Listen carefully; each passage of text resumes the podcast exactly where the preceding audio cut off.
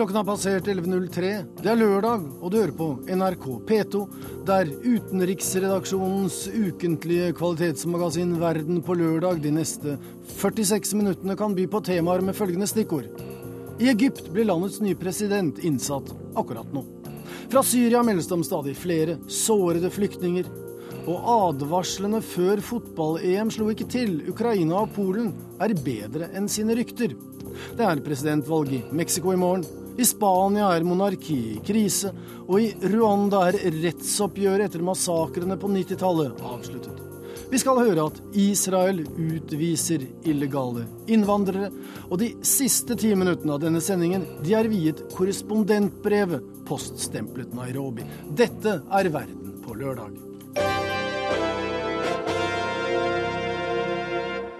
Vi begynner, men vi begynner altså i Egypt, der et viktig kapittel i den arabiske våren avsluttes i dag. Det er mange kapitler som gjenstår, men det er en milepæl av historiske dimensjoner når en folkevalgt islamist, Mohammed Morsi fra Det muslimske brorskapet, blir innsatt som president. Og dette skjer altså akkurat nå.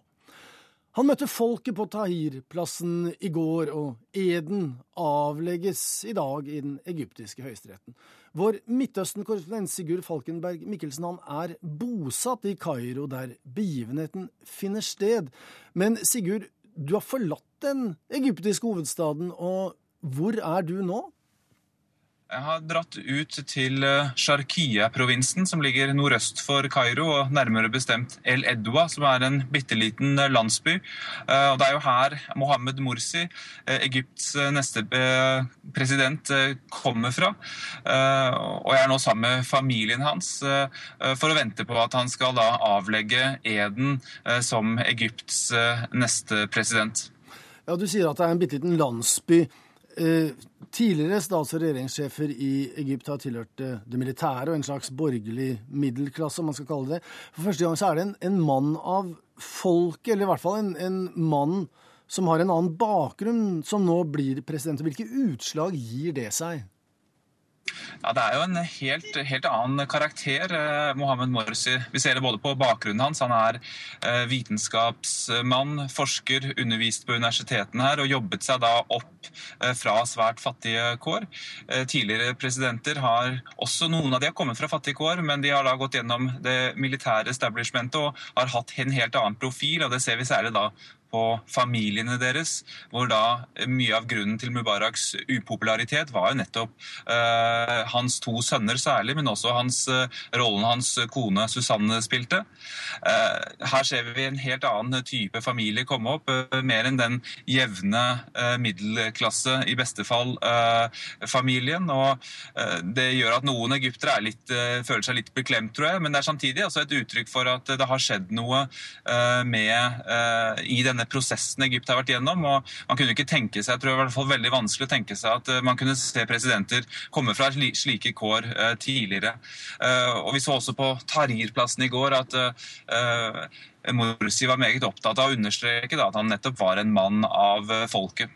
På Tahrir-plassen i går Eh, Morsi er jo den innledende fasen nå fra, fra, det ble kjent at det var han som vant valget, til han nå skal innsettes. Han har ikke utfordret de militære, men han markerte seg i går da vis-à-vis USA ved å kreve at Omar Abdelrahman, altså denne blinde sjeiken som sitter i fengsel i USA for terrorisme, at han skal bli utlevert. Altså, indikerer disse første signalene noe om kursen videre? Er litt vanskelig å se hva som er eh, politiske, eh, skråstrek populistiske utspill. Altså noe han eh, sier for å tekkes sin velgermasse. Det har jo vært de som mener at han kom med dette utspillet om den blinde sjeiken nettopp fordi han var redd for å miste støtten fra de mest ytterliggående og radikale kreftene. Han har jo beveget seg noe mot sentrum etter at han ble valgt. Vært veldig opptatt av å berolige alle de som ikke stemte på han, og også berolige kristne. og også vært opptatt av kvinnerettigheter og slike ting. Eh, men det er også et uttrykk for at bakgrunnen hans eh, er jo da i eh, ytterliggående islamisme. Og dette skal jo nå formes og, gjennom da sin, hans rolle som president, og da i, i, både i konflikt og i samarbeid med militæret. Men med unntak av det utspillet, så har han hatt en, vært, hatt en uke hvor han har stort sett vært opptatt av å, da, å berolige eh, mer enn å komme med kontroversielle utspill. Eh, og den opptredenen han hadde på Tahrir i går, var ut fra et, fra et egyptisk ståsted eh, svært var nesten et gjennombrudd som en folkets mann. Tidligere så har han blitt sett på som veldig ukarismatisk, mer som en teknokrat og altså blitt beskrevet som en slags reservehjul. Han var jo ikke førstekandidaten eh, til Det muslimske brorskapet. Men i går så kom han ut som en politiker eh, med folkeappell, og det var særlig et øyeblikk som mange egyptere her nå snakker om, hvor han eh, rev seg løs fra sikkerhetsfolkene, tok av seg jakka si og sa at han hadde ikke skuddsikker vest, for han var ikke redd for noen ting. Og det, det, var, det gikk virkelig hjem her i, her i Egypt.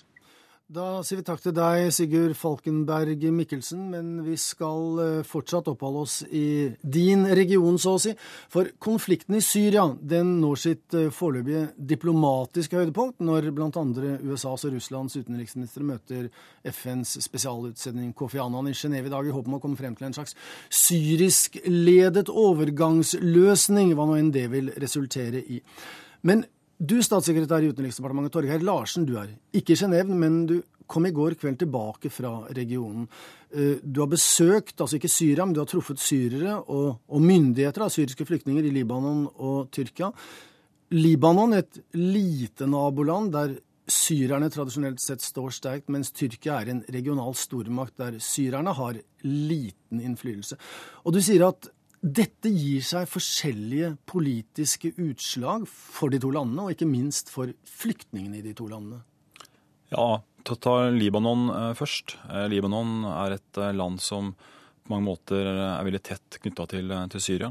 Hatt en lang og, og grusom borgerkrig i sin historie, og hvor spenningen er er å nesten ta og føle på i dag i forhold til eh, hva som vil skje der. Redselen eh, for at eh, borgerkrigen, det er det det nå er, i Syria, vil spille over til Libanon, er, eh, er stor.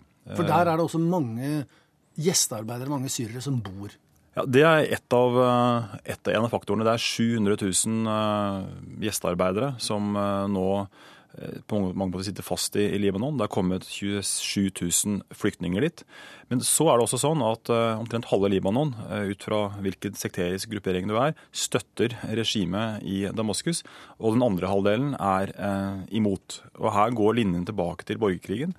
Så det er en nasjonal dialog som statsministeren har satt i gang, jeg har snakket med, med han, for å eh, prøve da, å bidra til å holde, holde konsensusen, eh, holde seg unna krigen. Eh, foreløpig går det bra. Eh, alle gjør sitt. Men eh, jeg snakket med representanter for alle, alle grupperinger, fra sjiaene, Hizbollah, til, til da statsministeren som representerer sunniene, og kristne og, og drusere.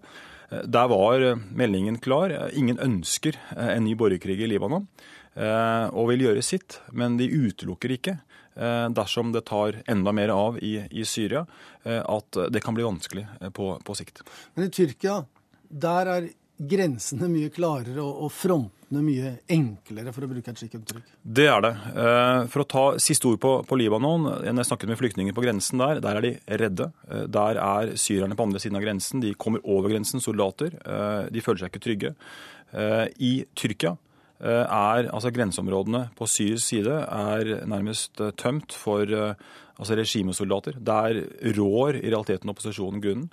Det er heller ingen, heller ingen altså problemer for flyktningene å være åpne og frie når de kommer da inn i Tyrkia. Det er organiserte flyktningleirer der. Og tyrkerne har en, en, en helt klar politikk. De er da motstander av regimet. Eh, tydelige og, og, åpent. Libanon eh, holder seg jo da nøytrale så godt de, de, bare kan. Men er det litt slik både i Tyrkia og i Libanon? Altså det, er lett for oss som sitter langt unna å ha, ha klare oppfatninger. Men er det litt eh, vi vet hva vi har, men ikke hva vi får, slik at de, de sitter på en måte også litt på gjerdet pga. den usikkerheten som rår? I aller høyeste grad. Og det er, og det er sånn at en del av de da, religiøse minoritetene i, i Syria f.eks., med sine da, allierte i, i bl.a. Libanon, og også inn i, i Tyrkia, som støtter regimet, har støttet regimet, er redde for da hva som kommer. Mens, mens, du var der, så skjøt jo da syrerne ned dette, dette tyrkiske flyet. Eh, det er forskjellige oppfatninger på de to sider av forløpet. Eh, men i hvilken grad skjerpet det den tyrkiske retorikken, og må i så fall denne retorikken ses adskilt fra selve en, en reell trussel om en eventuell krigsfare mellom de to? Eh, altså Nedskytingen dominerer jo fullstendig mediebildet i Tyrkia eh, fortsatt. Eh, reaksjonen har vært kraftig. Nato har, har støtta opp om da, sin, sitt medlem Tyrkia. Men det er nedtonet altså vilje til å gjøre noe militært. Tyrkerne er helt tydelige på at de ønsker ikke å gå inn på noen som helst måte i, i Syria. De har, de har styrka altså grensekontrollen. Jeg så sjøl altså styrker på vei til, til, grenseområdene. Eh, det gjelder luftvernstyrker, det gjelder soldater på, på grenseområdene. Og jeg tror eh, dersom det blir nye forsøk på nedskytninger eller på annen måte fra Syrias side, så, så, kommer reaksjonen til å være veldig klar og tydelig fra, fra, Tyrkia. Men de er tydelige på, og det var det også i samtalen med meg, at de har ikke noe ønske om å å, å, gjøre noe militært uten eh, at det er en bred internasjonal støtte for det. Det er bare ett unntak, og der har tyrkerne vært helt tydelige. Det er at dersom eh, Assad og regimet i, i Damaskus eh, prøver å, å, spille på da PKK, altså kurdiske eh, organisasjonen som da det er en terrorkrig eh, i, i, i, Tyrkia. Hvis det skjer, eh, da forbeholder tyrkerne seg retten til å, til å svare da militært på den måten det, det, vil være naturlig å gjøre for dem. Du, um du sa før du kom i studio, da vi snakket sammen, at det, det kommer stadig flere sårede tyrkere eh, til grensetraktene og inn i nabolandene. Det indikerer vel da at kampene tiltar og øker i styrke inne i Syria? Absolutt. Syriske flyktninger som nå da kommer til både Libanon og til Tyrkia. Der meldes det om stadig flere hardt sårede og, og sårede. Kamphandlingene de siste dagene eh, etter at når observatørene kom på bakken eh, for noen uker siden, så dalte på en måte volden i en periode. Nå er det da på mange måter full fyr igjen. Eh, så de sårede er mange. Flyktningstrømmene regnes å tilta. Det er 1,5 millioner internt fordrevne. Og de humanitære behovene er store. Og Det var en viktig del av min, min reise. Eh, fra norsk side så, så, gjorde vi det da klart at vi bevilger nå ytterligere 50 millioner kroner. Kommer det opp i 120 millioner kroner i år for å avhjelpe en veldig vanskelig situasjon. Både når det gjelder for å ta imot flyktninger i nabolandene, og for å få inn eh, humanitært utstyr, eh, medisiner osv. inn i Syria gjennom Røde Kors som samarbeider med Røde Halvmåne og gjennom en del andre kanaler som da når inn i de områdene der opposisjonsstyrkene holder til. Det var den økonomiske, men kort til slutt, det er også snakk om politisk støtte til nabolandene? Ja, en av Noe av det viktigste uh, vi snakket om når vi var i Libanon, er da den nasjonale dialogen som er satt i gang der. Det å bidra til stabilitet i Libanon for det internasjonale samfunnet uh, er på en måte lettere enn å, enn å, kunne bidra til en løsning i Syria.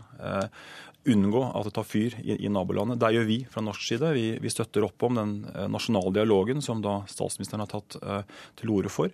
Eh, han har bedt om, ønsker også støtte fra et land som Norge. Vi er da et lite land langt unna som ikke har direkte interesser. Eh, så da kanalisert gjennom, gjennom FN, så gjør vi, bl.a. vi, eh, det. Og det er en avgjørende viktig eh, dialog, vil jeg si. Så Den type politisk støtte og på annen måte for å bidra til stabiliteten i nabolandene er nå viktig. Da sier vi takk til deg, eh, statssekretær i Utenriksdepartementet Torgeir Larsen, nylig hjemkommet altså i går kveld fra Syria-regionen ved besøk i Libanon og Tyrkia.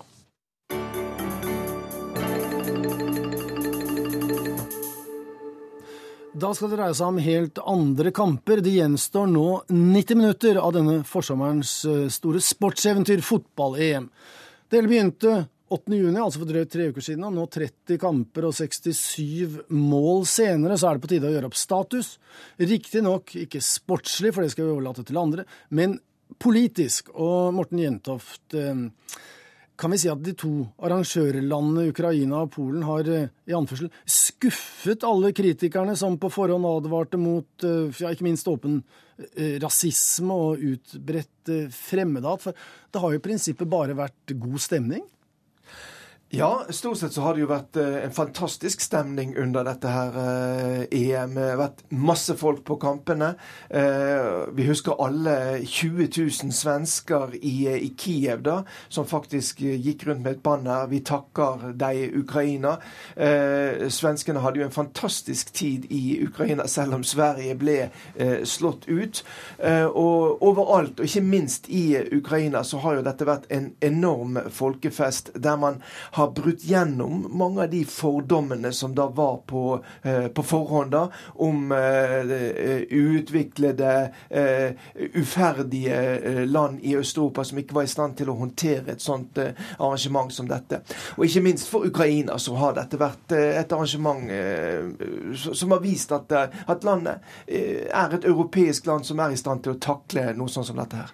Men har de mm, skjerpet seg og lurt oss i tre uker, eller er det faktisk det at vi går rundt med foreldede forestillinger om, om Ukraina basert på en historie som de har lagt bak seg?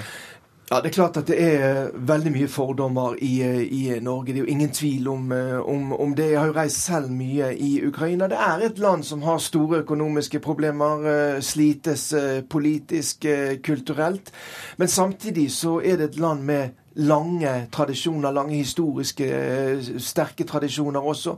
Og jeg tror det at eh, gjennom å, ha fikset et sånt arrangement som dette her, i alle fall rent teknisk, eh, ta imot hundretusener av fotballfans fra hele Europa, så har både vi lært noe, vi har lært ukrainerne å kjenne, og ikke minst så har dette vært veldig viktig for selvfølelsen for ukrainerne. det har jo ofte vært et land da, som har ligget litt imellom mellom eh, storebror, eh, slaviske storebroren Russland og resten av Europa.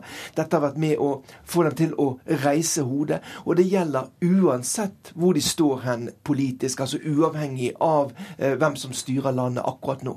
Og så ser vi at eh, fotballen vinner over politikken. Nå ble Tyskland slått ut så Angela Merkel slapp å ta stilling til om hun skulle vært til stede, men både Spanias og Italias eh, regjeringssjefer kommer til å være der. Og kanskje da i strid med hva de utbasunerte før mesterskapet, om, om, hvem de ville være sammen med på, på, en eventuell finale? Ja, Dette har jo vært det store politiske spørsmålet i forbindelse med dette mesterskapet. her. Hvilke utenlandske ledere vil komme til Ukraina?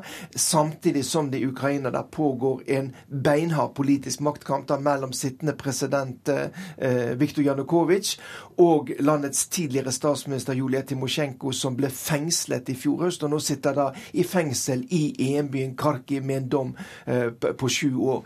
Og Mange internasjonale ledere har jo sagt at de ikke vil komme til Ukraina, møte eh, Janukovitsj, eh, rett og slett fordi at man ser på denne rettssaken, dommen mot Timosjenko, som en politisk vendetta mot, mot henne.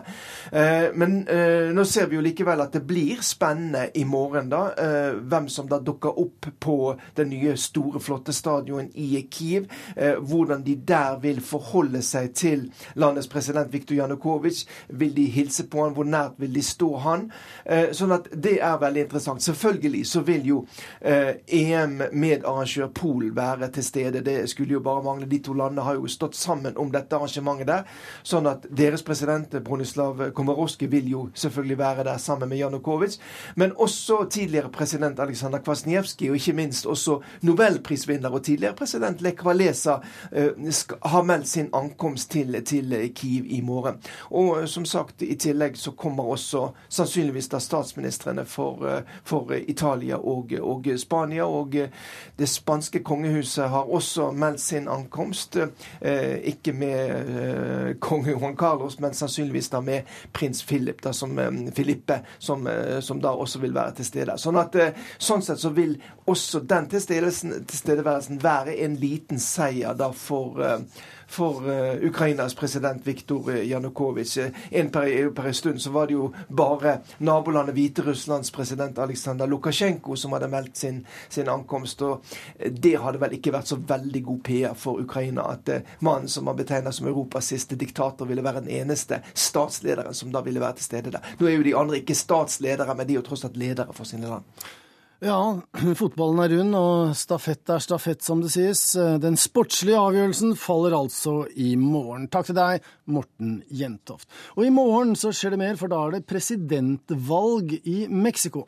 I 70 år var den type valg i Mexico en ren formalitet for det venstreorienterte partiet PRI. Det gikk uansett av med seieren. Men de siste tolv årene har det konservative partiet PAN hatt makten, og misnøyen med det bestående kan nå føre til at Pri igjen vinner valget, og at den karismatiske Enrique Peña Nieta blir president. Parece insuficiente el tiempo del que dispongo para realmente poder responder a quienes pareciera se hubiesen puesto de acuerdo, PAN y PRD nuevamente, porque viene el día de hoy con la navaja Enrique Peña Nieta er 45 år gammel og ung dersom han skulle bli statsoverhode. Han har TV-tekke og skuespillerkone, og er i denne sammenhengen moderne meksikansk politiker, ganske ulik den gamle garde av PRI-politikere som spilte på helt andre strenger. For PRI var et autoritært parti som kontrollerte statsapparatet, og ikke gikk av veien for å ty til tvilsomme metoder om det gavnet partiet og sikret fortsatt makt. Hans hovedutfordrer, Andrés Manuel López Obrador, representerer PRD, et mer rendyrket venstreparti, som ble stiftet av misfornøyde PRI-medlemmer for snart 20 år siden. López Obrador har da altså husket de fattige i denne valgkampen. En este periodo se acumuló riqueza en unas cuantas manos como nunca se había visto en la historia de nuestro país, pero a costa del sufrimiento, de la pobreza de la mayoría de los mexicanos. PRD tok i sin tid avstand fra pris, maktmisbruk og korrupsjonskultur, men har senere selv opplevd å få riper i lakken. Lopez Obrador var et halvt prosentpoeng fra å bli president for seks år siden, men seieren gikk til den konservative Felipe Calderón fra PAN.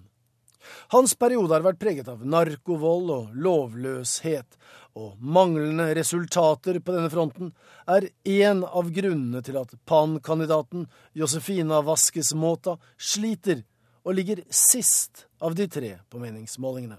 Me sorprende que hoy quiera tener un mejor deseo como cuando gobernador no lo logró. No solamente el Estado de México tiene bajísimos índices de competitividad. Mexico er verdens 14. største land, seks ganger større enn Norge, og er med 115 millioner innbyggere verdens ellevte mest folkerike. Men Mexico er ikke i nærheten av å ha den internasjonale innflytelse og betydning som flateinnhold og folketall skulle tilsi.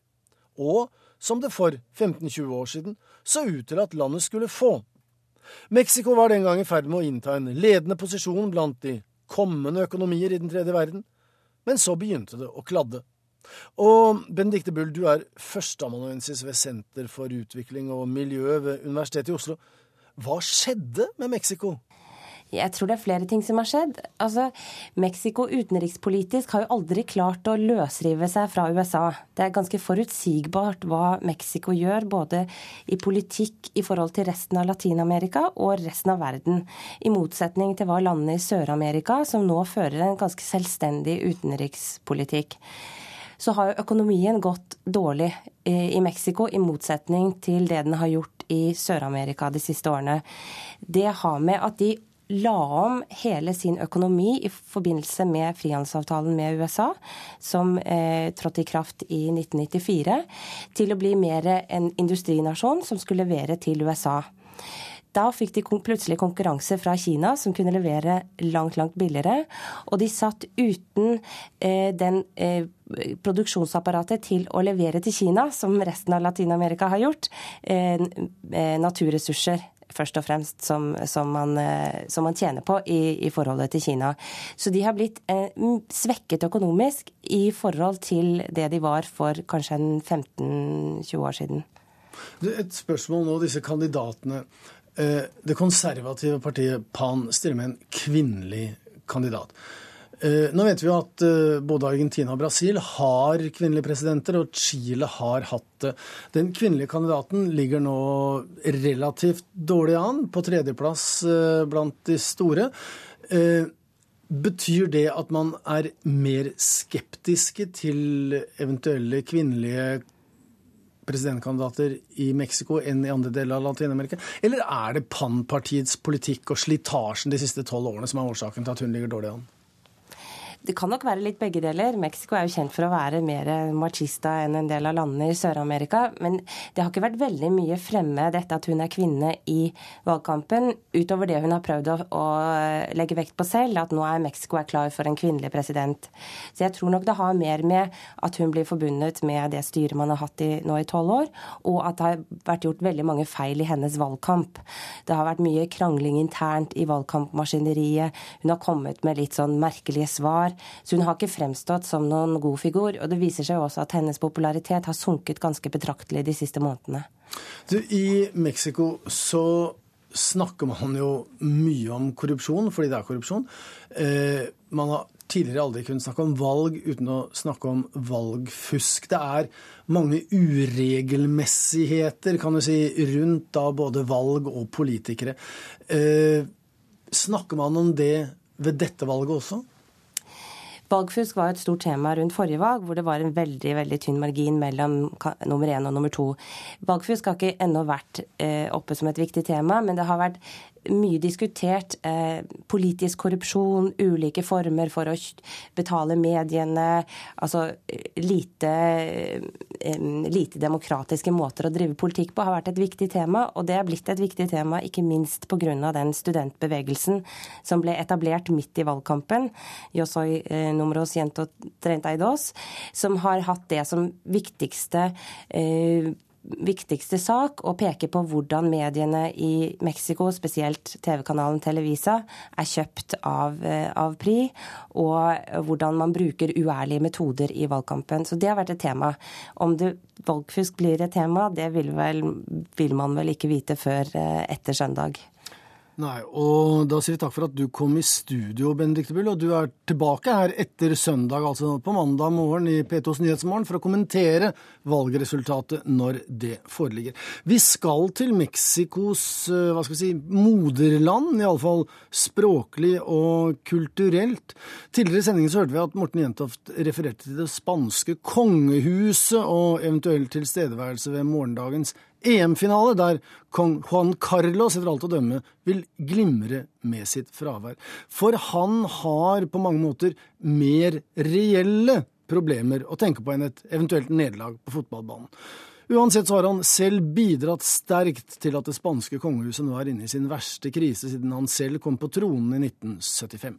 Meningsmålinger i Spania viser nå at bare et knapt flertall av spanjolene støtter monarkiet mens de unge mener at hele ordningen bør avskaffes. Kongen måtte f.eks. tidligere i år be det spanske folket om unnskyldning etter en omstridt elefantjakt i Afrika på et dårlig tidspunkt. Arnt Stefansen har laget denne reportasjen.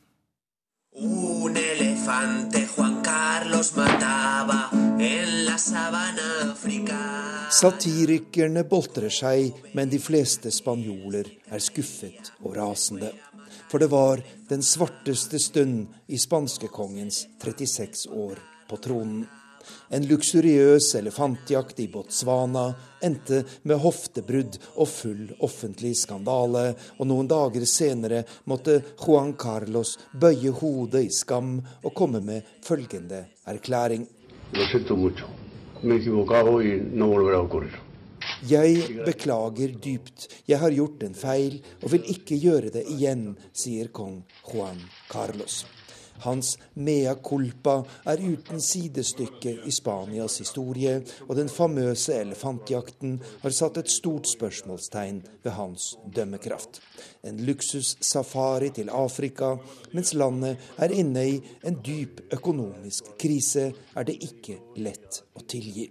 Og hadde det ennå bare vært dette. Juan Carlos den første, Francos arvtaker, roper en gruppe demonstranter i sentrum av Madrid. Monarkiets motstandere har aldri glemt at det var diktatoren Francisco Franco som i sin tid utpekte ham til sin etterfølger. Og de siste månedene har kongens kritikere fått mer vann på mølla enn de hadde drømt om. Allerede før elefantskandalen var en oppsiktsvekkende bok om kongehuset det store samtaleemnet blant spanjolene.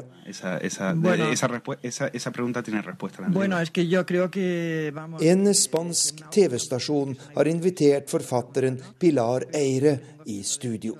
Hun har rystet Spania med sin bok 'La soledad de la reina' dronningens ensomhet, der hun beskriver forholdet mellom kongeparet som en tragedie, og Juan Carlos som en kronisk skjørtejeger med rundt 1500 seksuelle sidesprang på samvittigheten. Ryktene om kongens utroskap har vært kjent i Spania i mange år, men har vært dysset ned i mediene, sier forfatteren. Eh, Det var et arrangert ekteskap som så mange andre innen de europeiske kongehus. Men etter det man vet, har dronning Sofia aldri bedratt sin mann. Han derimot er kjent som en notorisk forfører med en umettelig appetitt på kvinner, sier forfatteren Pilar Eire. Og for første gang siden Juan Carlos kom på tronen, er spanjolene nå i tvil om kongehusets fremtid. Viva el rey! Viva! Viva España! Viva!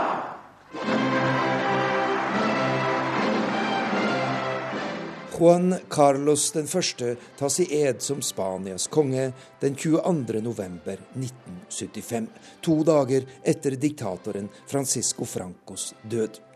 For spanjolene er det et åpent spørsmål hvilken kurs den unge kongen vil følge. Men selv om han er utpekt av diktatoren, velger han demokratiet. Og da reaksjonære offiserer noen år senere gjorde forsøk på et militærkupp, ble de fordømt av kongen, noe som gjorde ham umåtelig populær blant spanjolene. Men den siste tiden har det raknet kraftig, sier historieprofessor Javier Maestro. Eh, los Opinionen endrer seg raskt. Så sent som for et tiår siden var det fortsatt rundt 80% som støttet monarkien. Nå er det bare litt over halvparten, og skandalene den siste tiden har svekket kongens omdømme kraftig. Når en stor del av befolkningen først og fremst forbinder landets konge med elefantjakt og kvinnehistorier, er situasjonen alvorlig, sier professoren.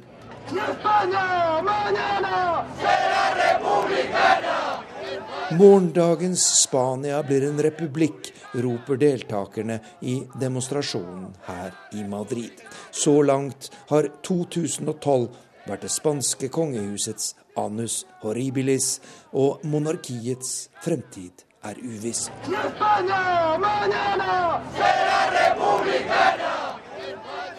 Fra Spania skal vi forflytte oss til Afrika, der det tidligere denne måneden ble satt sluttstrek for et av verdens mest omfattende rettsoppgjør. Det skjedde da Rwandas såkalte grasrotdomstoler, gakachaene, ble nedlagt etter å ha vært i virksomhet de siste åtte årene. Nær to millioner av Rwandas ti millioner innbyggere har vært ført for retten i disse domstolene etter folkemordet i landet for 18 år siden. Afrikakorrespondent Lars Sigurd Sunnano har besøkt Rwanda. Ntuzapfe ngo umusaza wanjye nawe ngo bamujyana ko muri gahunda Jeg var veldig ung, men jeg forsto at han ville ha meg som kone, eller at han hadde til hensikt å voldta meg. Stillferdige videoopptak av vitner og overlevende, og bilder av folkemordet i Rwanda synker inn under en vandring i museet som er reist til hovedstaden Kigali, til minne om det ufattelige blodbadet i denne afrikanske nasjonen for 18 år siden. I løpet av 100 dager mistet da mer enn 800 000 mennesker livet. De ble hugget, stukket eller klubbet ned av etniske hutuer, som, uten at verdenssamfunnet grep inn, gikk løs på landets tutsi-minoritet og moderate hutuer på denne måten. Det kan ikke være enkelt å være sjef for Folkemordmuseet og bli minnet om uhyrlighetene hver eneste arbeidsdag. I was 18 years old. I saw them. I saw the perpetrators. I saw the bodies of my uh, parents and my sisters. Jeg var 18 år gammel. Jeg så dem. Jeg så gjerningsmennene, sier Freddy Mutangua. Jeg så likene av mine foreldre og mine søstre. Jeg klarer aldri å glemme det. Det som hendte, vil alltid være der for meg, sier museumsdirektøren. Militært var det tutsiene som vant borgerkrigen i Rwanda for 18 år siden. Ledet av landets nåværende president Paul Kagame tok til makten og fikk samtidig i fanget den nesten uoverkommelige oppgaven med å gjennomføre et rettsoppgjør. Godt over én million hutuer deltok i massakrene, mer og mindre aktivt. Men fem år etter folkemordet var bare 400 av dem ført for retten. Rwandas domstoler hadde ikke nærheten av den kapasiteten som trengtes. Det måtte tenkes nytt, og resultatet ble gakachaene, grasrotdomstolene som de siste åtte årene har vært i sving i så å si hver eneste by og landsby over hele Rwanda. Tradisjonelt har det vært vanlig for de eldste i landsbyene å ta stilling til feider mellom naboer om forskjellige spørsmål, og så lande på avgjørelser som involverte og lokalsamfunnene har vært bundet til å følge. På samme måte har rettsoppgjør etter folkemordet nå vært gjennomført. I lokalsamfunnet har mer enn 160 000 dommere vært pekt ut til å lede gakachaene. De har ikke hatt juridisk bakgrunn eller kunnskap, men de har nytt den tillit og respekt som har vært nødvendig. Frem til grasrotdomstolene ble opphevet denne uken, har de fortløpende behandlet ikke mindre enn oppunder to millioner straffesaker etter folkemordet, og avsagt fellende dommer i 65% av dem. Noen er dømt til lange fengselsstraffer med hardt arbeid. Andre er pålagt samfunnstjeneste i landsbyene sine. Men tallet på folkemordere bak lås og slå har sunket kraftig de siste årene, forteller Honoré Gattera, en av avdelingssjefene i minnemuseet i Kigali. All the numbers that we had Rwanda by 2000 uh, of the people who were involved in the genocide in the prisons were up to more than 180,000 uh, prisoners. Uh, Vi hadde mer enn 180 000 av deltakerne i folkemordet i fengsel rundt år 2000, forteller han. I løpet av de siste ti årene er de fleste av dem blitt satt fri. Mange fordi de i Gakachaene har innrømmet og tatt avstand fra hva de var med på. Noen fordi de er blitt syke, og andre fordi de var mindreårige da de deltok i ugjerningene. Det er nå bare 37 000 fanger igjen i fengslene og forvaringssentrene i Rwanda, sier han.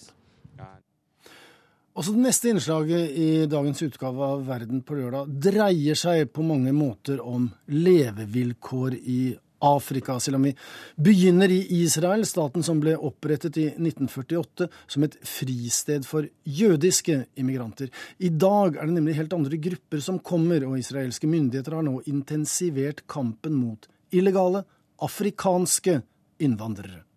De siste par ukene er 250 papirløse sudanesere sendt til Sør-Sudan, og israelske myndigheter sier at flere står for tur. Den ulovlige innvandringen har skapt sterke friksjoner i Israel.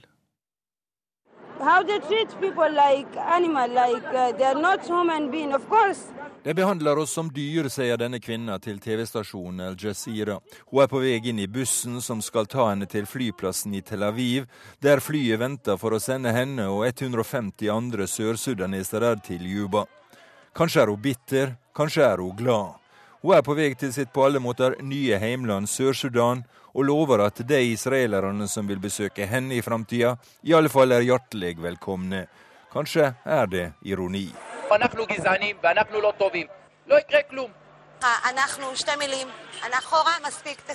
Spenninga rundt innvandrerne i Israel har stiget kraftig de siste månedene, og det har vært flere tilfeller av voldelige åtak på de papirløse afrikanerne.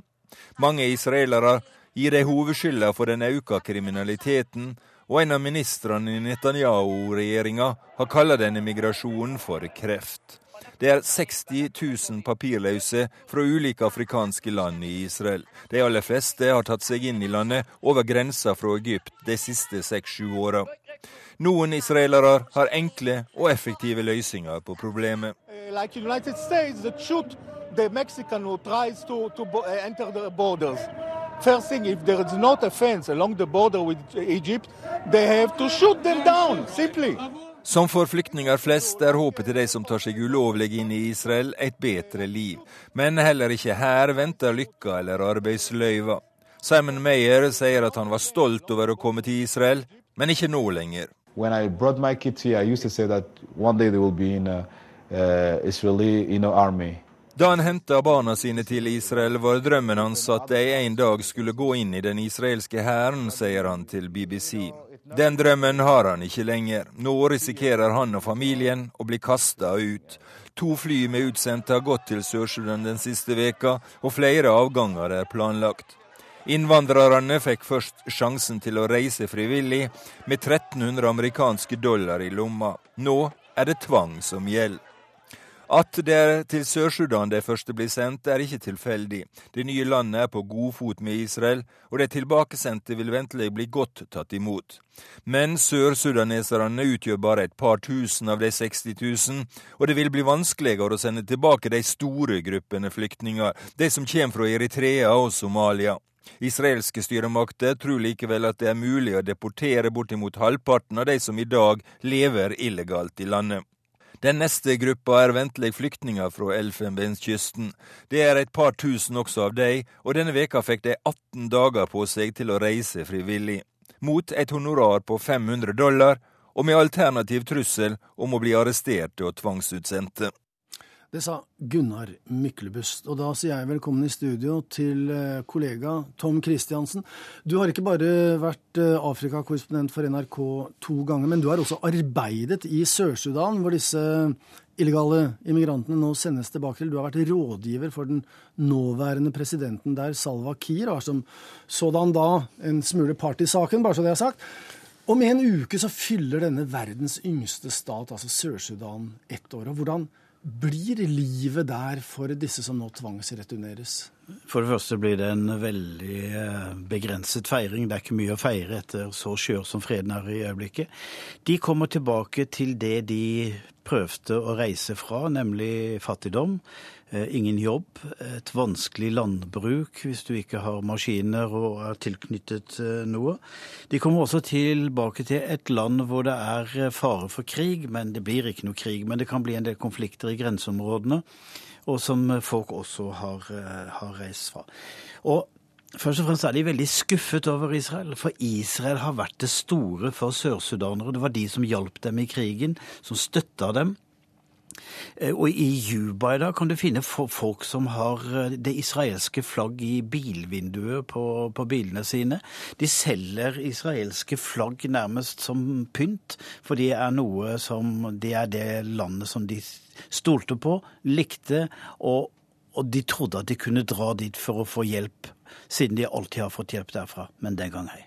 Du, Er det et slags fellesskap kan du si, i, i motstanden mot uh islam mot muslimske land? Eh, ja, de har jo det til felles at de har dårlige naboer, som de begge vil si. Eh, Sudan, det arabiske Sudan, har jo vært i krig med Sør-Sudan i 20 år og i konflikt hundrevis av år. Og Israel har sin historie med arabiske naboer. Og derfor har Israel forsøkt å bekjempe Sudan, det arabiske Sudan, gjennom Sør-Sudan. Og det var liksom dette fellesskapet som fikk folk til å innbille seg at Israel ville ta vare på dem. Men Nå vil det alltid være variasjoner, men Israel gjør vel her i prinsippet akkurat det samme som mange andre land, blant dem det Norge gjør. Eh, folk som ikke har papirene sine i orden, de må dessverre forlate landet, og de blir bortvist. Stiller vi litt andre moralske krav til staten Israel enn f.eks. Til, til andre vestlige land, da, som, som på juridisk grunnlag bortviser denne type illegale innvandrere? Ja, fordi Israel har en historie hvor de har tatt vare på folk. For afrikanere blir dette veldig spesielt, fordi eh, de etiopiske jødene som, i hundrevis av år har bodd i, eh, i, eh, i, Etiopia og er mørke i huden som alle andre, fikk jo reise inn, og får fortsatt reise inn i Israel. Men nabolandet Sudan de får altså ikke lov å, å, komme inn, og det er jo da helt klart at det er fordi de er ikke jøder. Altså de har feil rase. Det er den ene tingen. En annen ting som vekker eh, uro, det er at de som overlevde folkemordet i Darfur, de trodde jo også at de som overlevde holocaust, ville ta vare på folk som har vært i samme situasjon. Men de blir også sendt tilbake, og dette her er uh, det, det, det, er sånne ting som folk bare rister på hodet. Skjønner ikke. Vi trodde de var annerledes. Kort til slutt om Kristiansen. I denne debatten så har det også da kommet inn et, eh, hva skal vi si, et, et lite spiss, på et sidespor, et, et pussig element med at Israel, statsminister Benjamin Netanyahu, at han selv har en personlig privat tilknytning til Sudan. Hva er det? Det, ja, sannelig vet jeg. Jeg vet ikke, det er vel bare han selv som har fasiten. Men ryktene har begynt å gå om at han har bodd i Sudan, og han har slektninger i Sudan. Eh, det sies endog at han er født i Sudan, men dette her benekter han selv. Særlig fordi han har gjort det til et poeng at han er den første israelske statsminister som er blitt født i Israel, i Tel Aviv. Og han kan ikke ha dette sittende på seg, og derfor så har det utviklet seg en hissig debatt om dette. Men journalister graver stadig fram opplysninger om at det er nære forbindelser mellom ham og Sudan. Og rarere og rarere blir jo da denne historien. Da sier vi takk til deg, Tom Christiansen.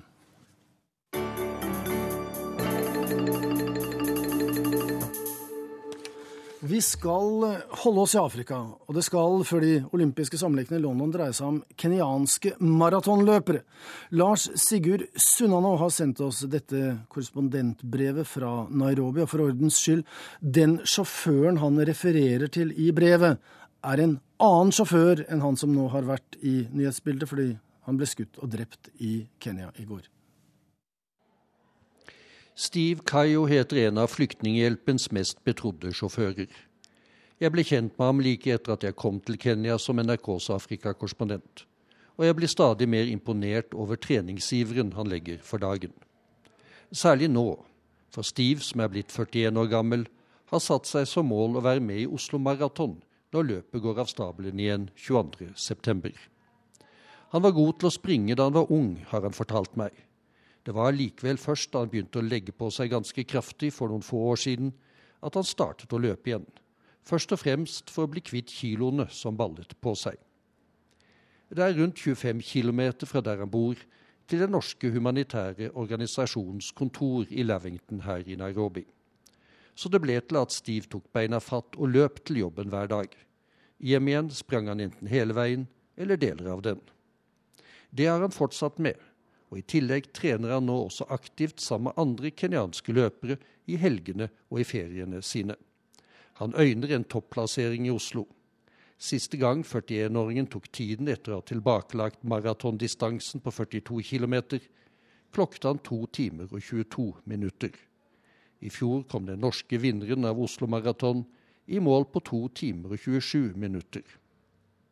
Det var derfor naturlig for meg å ringe Steve da jeg denne uken skulle dra til Iten i Rifdalen for å lage en reportasje om Kenyas maratonløpere, nå som de olympiske sommerlekene i London nærmer seg med stormskritt. Kunne han gi meg noen råd på veien?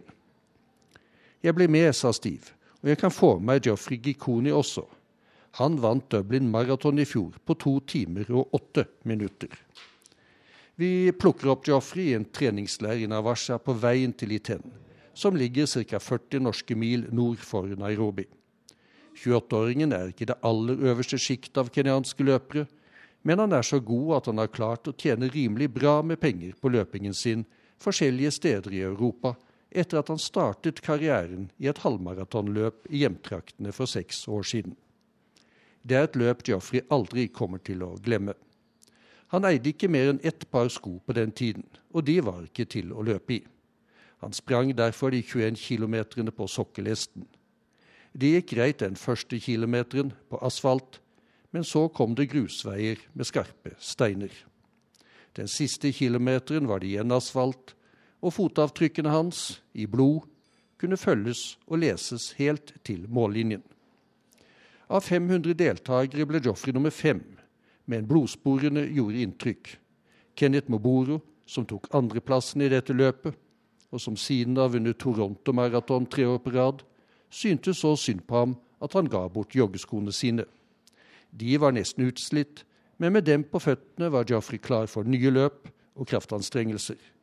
Etter hvert fikk han råd til å kjøpe skikkelige løpesko, og karrieren skjøt fart, med seieren i Dublin og en pengepremie på 20 000 euro som et foreløpig høydepunkt.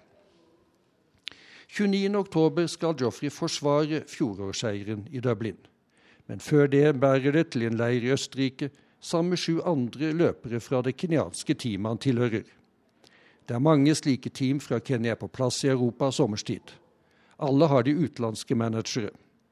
De skaffer avtaler og sender dem på kryss og tvers i en rekke land, til bakkeløp både opp og ned, gateløp, terrengløp, 5 og 10 000 meter, maratonløp og andre friidrettsstevner der det er prispenger å hente, med fratrekk av 15% som managerne normalt tar selv for å styre denne store løperbutikken. I mange av løpene er det ikke stort kenyanerne får med seg om de vinner eller får topplasseringer. Førstepremiene kan ligge på 2000-3000 kroner. Mange av atletene har ikke tjent noe som helst på sommerinnsatsen i Europa når de vender hjem til Kenya utpå høsten, og flybillettene og kostnadene til opphold er trukket fra det de måtte ha sprunget inn. Dessuten er ikke markedet hva det en gang var, forteller Jeffrey meg. Publikum svikter. Det er ikke spennende lenger å se kenyanere løpe fra resten av deltakerne. Arrangørene har ikke så mye penger å rutte med til premier heller i disse økonomiske nedgangstidene i Europa. Banker og andre store sponsorer faller fra.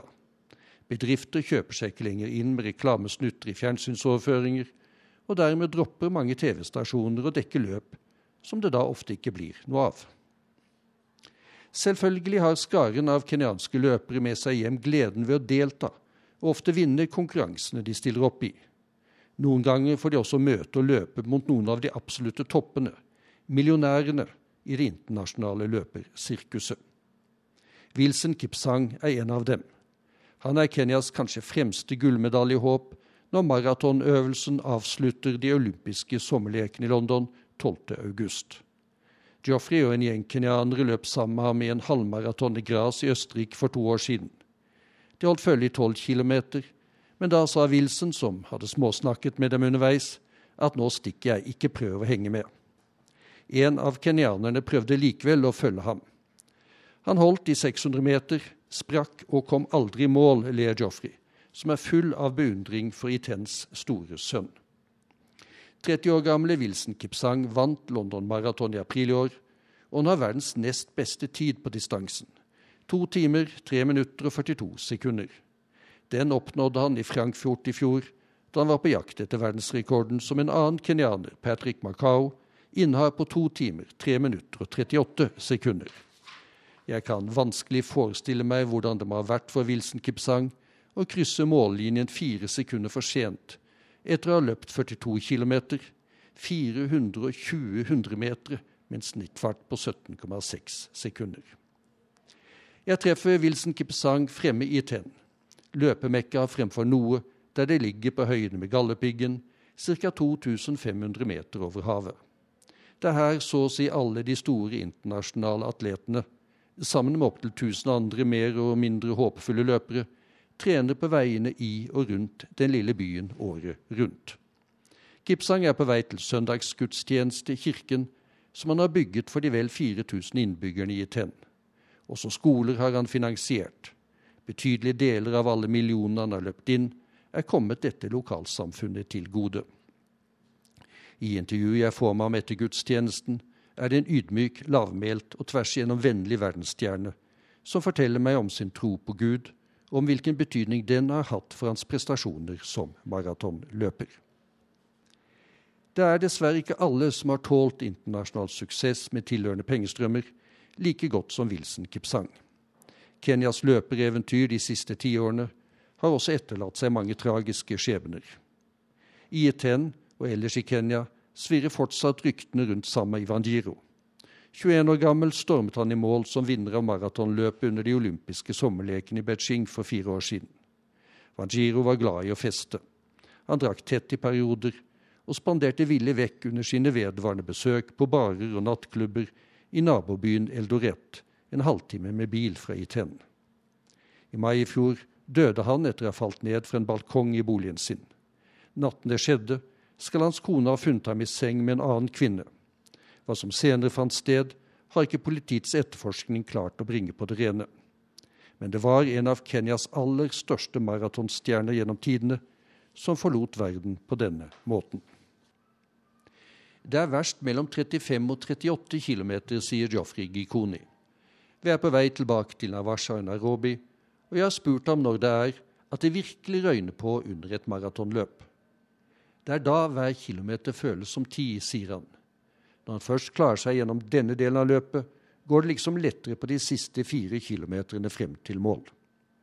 Der venter gjerne pengene, om en er god nok til å hevde seg i den kenyanske toppen. Geoffrey minnes en halvmaraton i Nairobi for tre år siden. Førstepremien var på 1,2 million skilling, omkring 80 000 norske kroner. Andreplassen ville gi 40 000 kroner og tredjeplass 30 000 kroner. Jeg ledet de første 14 kilometerne og regnet med at jeg iallfall skulle klare tredjeplassen, forteller han. Jeg kalkulerte og kom frem til at da ville jeg ha råd til å kjøpe tomt og bygge hus utenfor Navasha. En kilometer senere stivnet han og kom i mål som nummer 181 av 2000 deltakere. Det er også et løp Joffrey Gikoni aldri vil glemme. Helt til slutt tar vi med det dere ikke har hørt noe om, nemlig dagens presidentvalg på Island. Der åpnet stemmelokalene for en time siden. Og de holder åpent til midnatt, så resultatet altså blir Olafur Grimson gjenvalgt, eller får Island sin andre kvinnelige president, det får man ikke vite før i NRK i morgen tidlig. Her i studio er vi ved veis ende, og vi er altså teknisk ansvarlig Lisbeth Sellreite. Det er skript Oda Holm Gulbrandsen, og i studio Joar Hoel Larsen.